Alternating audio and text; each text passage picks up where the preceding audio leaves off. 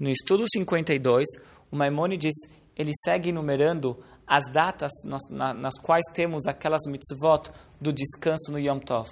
Como mencionamos no estudo anterior, para cada uma dessas datas, o Maimônides considera, conta duas mitzvot, uma a instrução de descansar e segunda a proibição de trabalhar.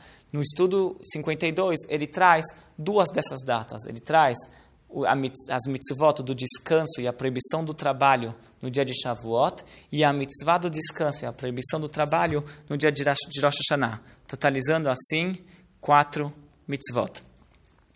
O descanso do Yom Tov, ele de uma certa forma é bastante parecido com o descanso do Shabat. Quando falamos sobre o Shabat, mencionamos que tem uma lista de 39 atividades matrizes que são proibidas no Shabat.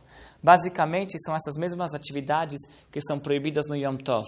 Há uma pequena diferença que algumas das atividades que estão relacionadas ao preparo de alimentos no Shabat, essas estão liberadas no Yom Tov. Então, a lista de atividades proibidas no Yom Tov é menor que as do Shabat, pois algumas relacionadas ao preparo de alimentos não se aplicam no Yom Tov.